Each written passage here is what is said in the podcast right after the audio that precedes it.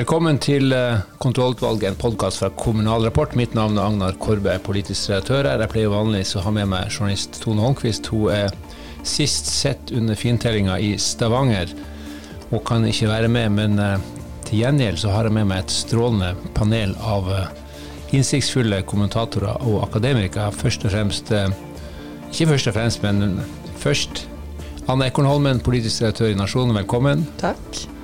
Og så med godt utkikkspunkt fra det nordlige Norge.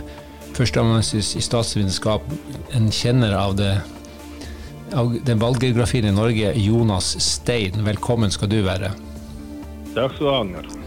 Vi skal altså snakke om, eh, bare om lokal og lokalvalg i denne sendinga. Det skulle tatt seg ut om vi brukte tida på noe annet. Det har altså vært, eh, Vi spiller dette inn tirsdag formiddag. Vi har fordøyd de viktigste resultatene. Da kjører vi i gang med denne utgaven av Kontrollutvalget.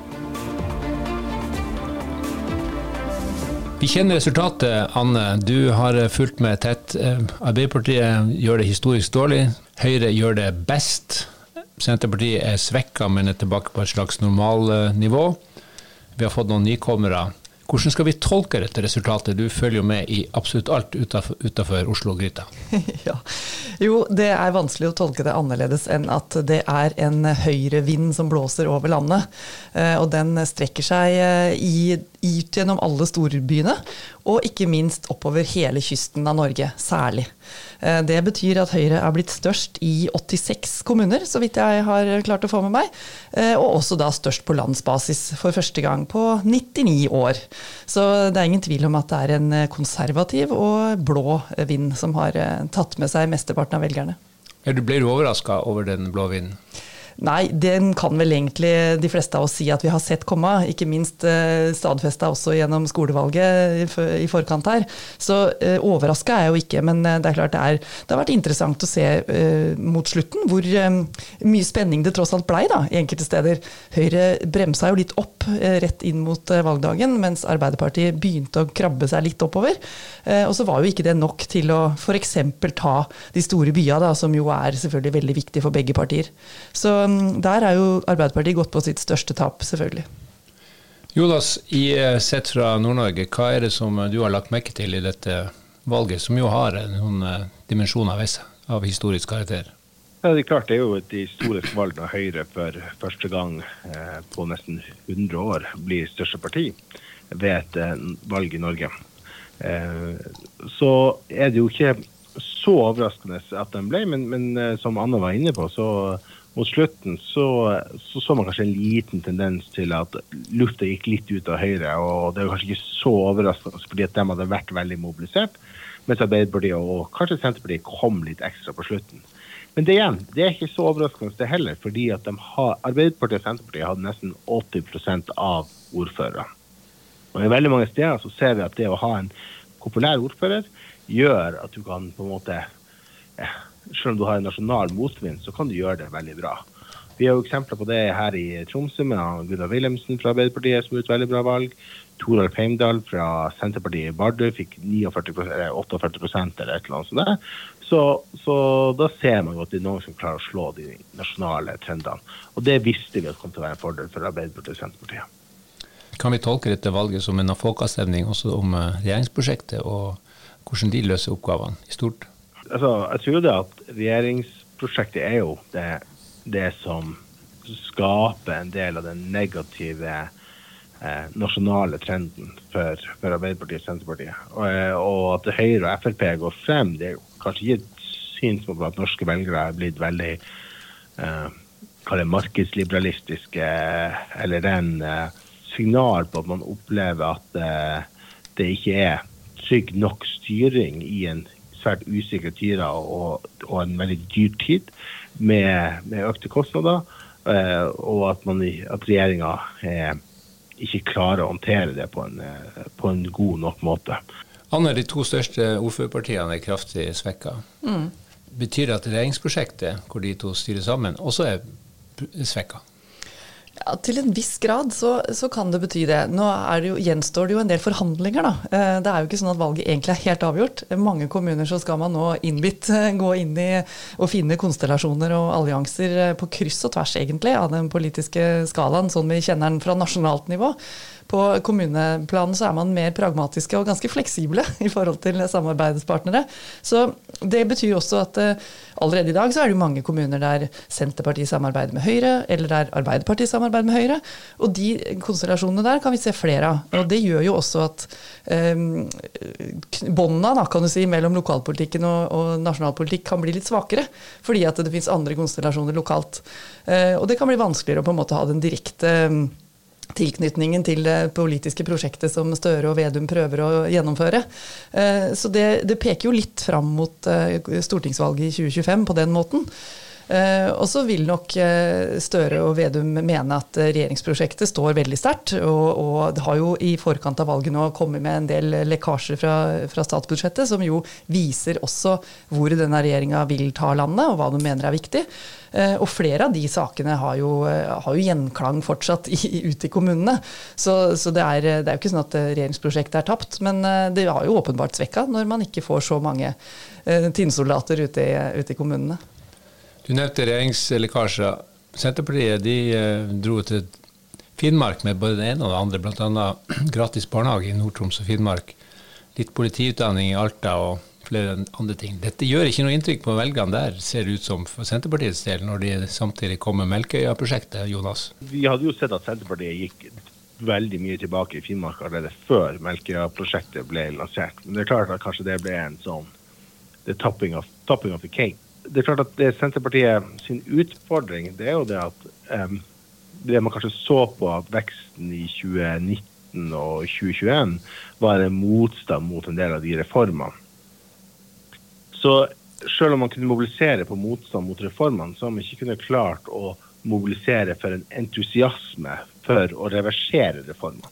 Mm. Så vi står jo i den paradoksale situasjonen at klart at den, altså Finnmark, hvor Senterpartiet fikk 24% i 2019, så er ned på 5% Arbeiderpartiet, som var på 27-28 er ned på 20% Og du får et Nordkalottfolket som protestparti som kommer inn og får nesten 20% og vi risikerer at Arbeiderpartiet mister Finnmark for første gang eh, siden krigen. Det er jo en ganske dramatisk eh, situasjon.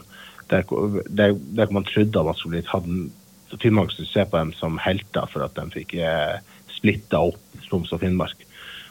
Uh, og så viser jeg kanskje det egentlig ligger underliggende uh, utfordringer i, i, både Finnmark og Distrikts-Norge som man kanskje egentlig ønsker man skal få ta tak i. Altså Det at Finnmark taper fylkeskommunene, fylkesordføreren, eller risikerer det, og samtidig som du taper disse storbyene og de større kommunene rundt storbyene, det er jo totale kollapsen for Arbeiderpartiet som, som styringsparti. Eller tar jeg litt for hardt i nå? Anne? Ja, det, det, er jo dramatisk, og det legger jo i og for seg ikke Støre skjul på heller. Selv om han, eh, han, prøver å si at eh, vi lå jo enda dårligere an, og sånn sett har klart å løfte seg. Og det er jo for så vidt sant, men, men eh, det er jo historisk dårlig av Arbeiderpartiet, og det er dårligere enn det forrige dårlige valget. Så, så det er jo vanskelig å, å, skjule det, på en måte. Og, og det, vi ser det jo, det, det, vil jo ha betydning ute i kommunene og fylkeskommunene at Arbeiderpartiet er svekka. Det er klart det. Det vil føres en annen politikk. Det blir interessant å se. altså altså Den høyrepolitikken som Erna Solberg har fronta, og, og, som mange lokalpolitikere har gått til valg på, den, den, vil jo ha betydning for folk i dagliglivet. Og det er jo det folk har ønska òg. Et, et, skifte, rett og slett. Vi skal komme tilbake til eh, hvordan de skal leve opp til forventningene fra velgerne, disse nye ordførerne. Men eh, Jonas, samarbeidskonstellasjonen mellom Arbeiderpartiet og Senterpartiet, vil den bli satt på prøve når eh, Arbeiderpartiet har tapt såpass mye både her og der? Ja, jeg tror som også Anne var inne på litt eh, i sted, jeg tror at mange steder så du vil, vil se mye forskjellige typer konstellasjoner rundt omkring i Kommune-Norge. Og det er jo sånn det skal være. Altså det, det, konfliktlinjen er annerledes lokalt, og det er ikke sikkert de nasjonale konfliktlinjene og skillelinjene spiller så stor rolle for lokale forhold. Jeg tror ikke Arbeiderpartiet og Senterpartiet jeg tror ikke de har noe annet alternativ enn å henge sammen. Altså, hva var Jan P. Syse sa? at Enten vi, må vi henge sammen, eller så blir vi hengt hver for oss. Eh, og det tror jeg er litt sånn for denne eh, regjeringa også. Jeg ser ikke noe exit-mulighet, og, og, ser heller ikke sånn spesielt sannsynlig at Støre kommer til å gå av eh, i perioden frem mot neste stortingsvalg. Nei, det, det, tror ikke jeg heller, selv om diskusjonen selvfølgelig kommer opp om hans posisjon. Men jeg har jo en sånn hypotese om at eh, spenningene mellom de to regjeringspartnerne må jo bli noe større, fordi at Arbeiderpartiets politiske profiler har jo ikke vært gode nok til å holde på disse velgerne i en del områder, bl.a. de folkerike kommunene, både store og mellomstore.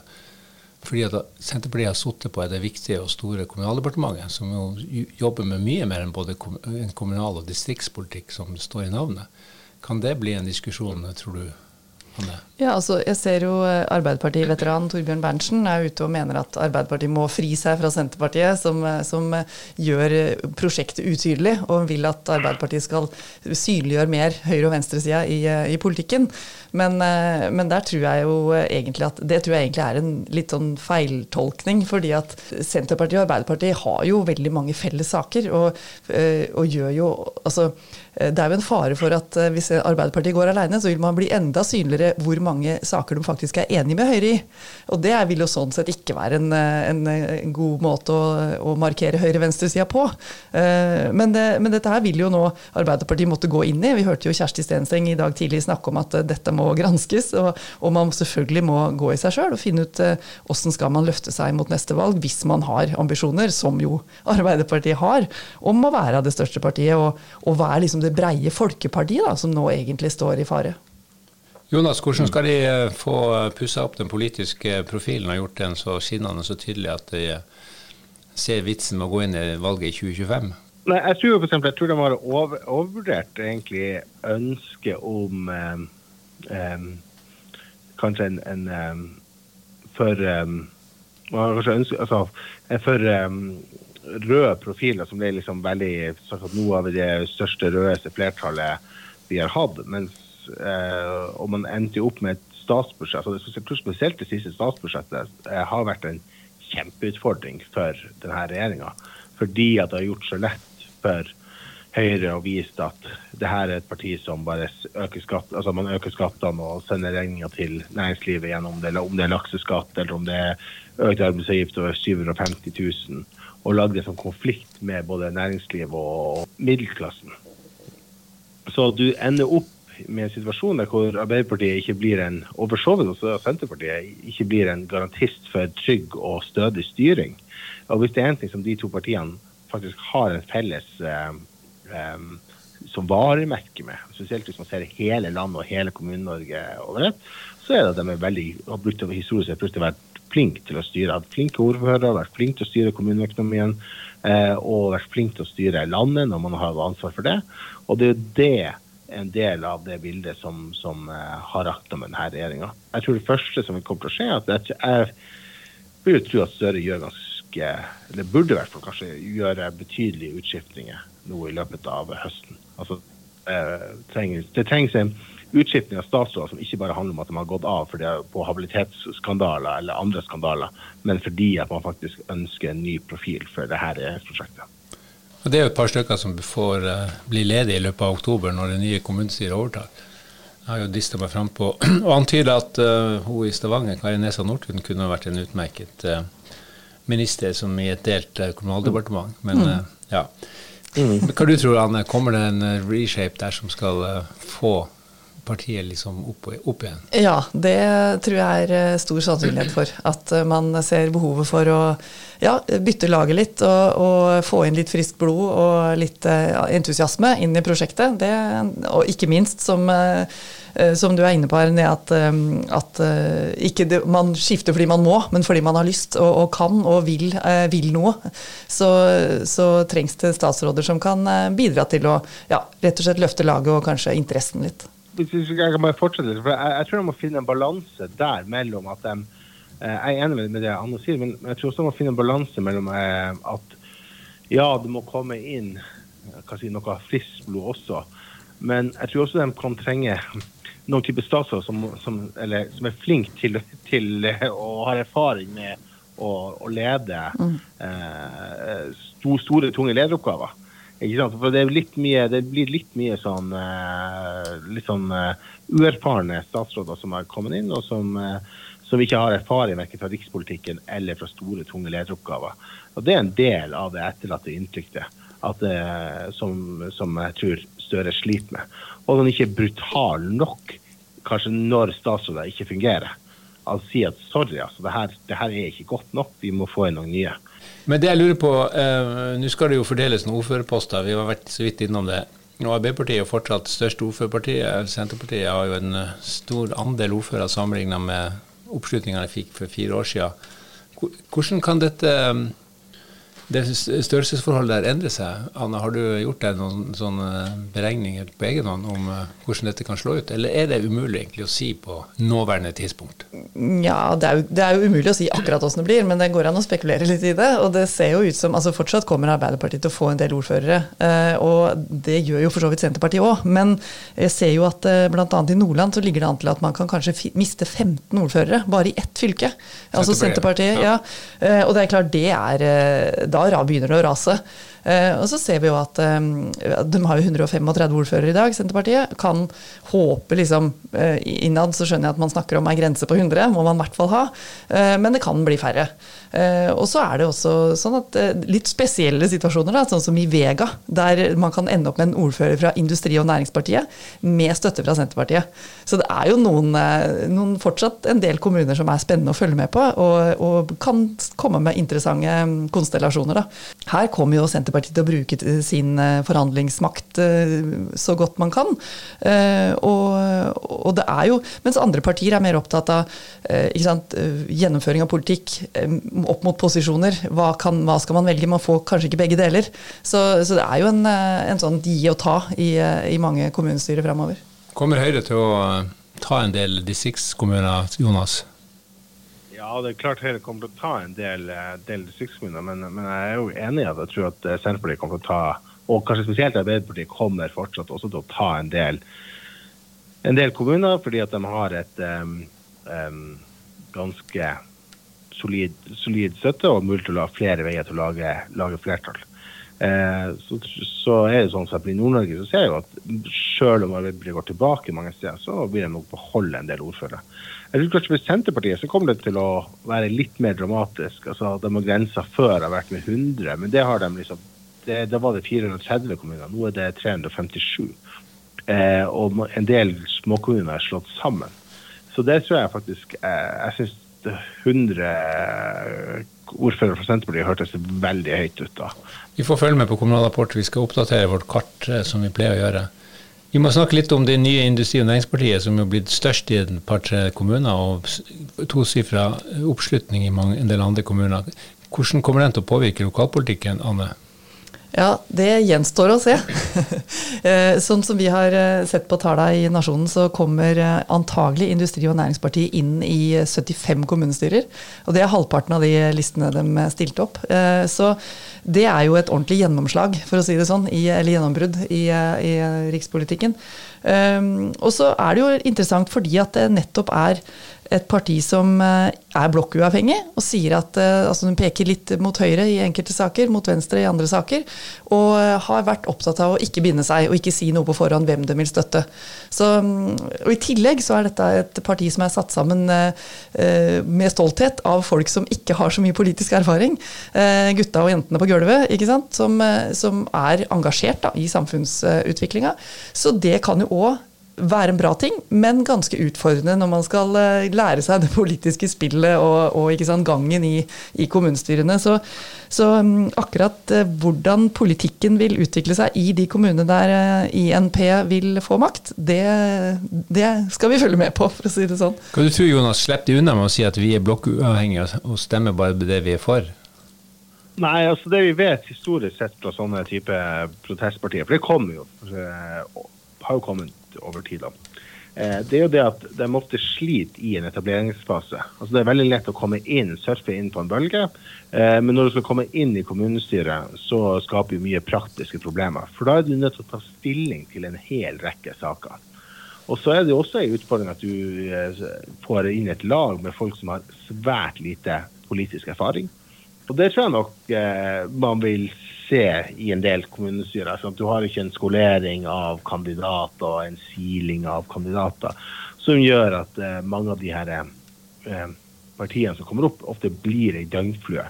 Fordi at de eh, ender opp med intern splittelse, eller folk trekker seg, eller man blir uenig, og det kommer frem det ene og det andre.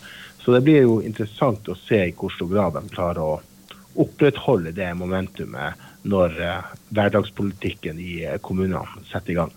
Helt til slutt, kommer Høyre-ordførerne, det blir jo flere av dem, til å klare å innfri forventningene fra velgerne, og dermed gi moderpartiet fart inn mot 2025-valget? Begynner med deg, Anne. Ja, det er jo sånn at mange Høyre-ordførere allerede har varsla at det kan bli vanskelig å opprettholde og, og love, altså det, gjennomføre løftene om f.eks. eiendomsskatten som skal kuttes, eh, som jo har vært et av eh, valgkampslagordene til Erna Solberg. Eh, det, det, tror jeg blir krevende. Eh, men det er klart at det er mange her er det eh, mange kommuner som har opplevd, eller mange velgere som har opplevd at kommunen trenger et skifte. Og, har, og det kan handle om næringspolitikk, det kan handle om eldreomsorg, det kan handle om veldig mange saker ute i kommunene som man har tro på da, at Høyre kan gjøre en forskjell. Så, så det, det, vil være, det, vil variere veldig, tror jeg, gjennom, ute i kommunene. Hva, som, hva Høyre klarer å få til, rett og slett. Nei, jeg tror jo også at jeg vet, de, de første årene nå, så vil jo Høyre på en måte kunne surfe på en litt sånn type Nå har vi en eh, det er lett å gi, Hvis på alle problemer så kan man gi skylda på sine forgjengere eller på den rød-grønne regjeringa. Eh, så de har en liten sånn honeymoon period akkurat i starten. Og så blir det nok verre i løpet av perioden når de må ta ansvar og, og sånt. Så vi får se hvor, hvor, hvor lenge den er denne hvetebrødsdagene varer for de nye Høyre-ordførerne.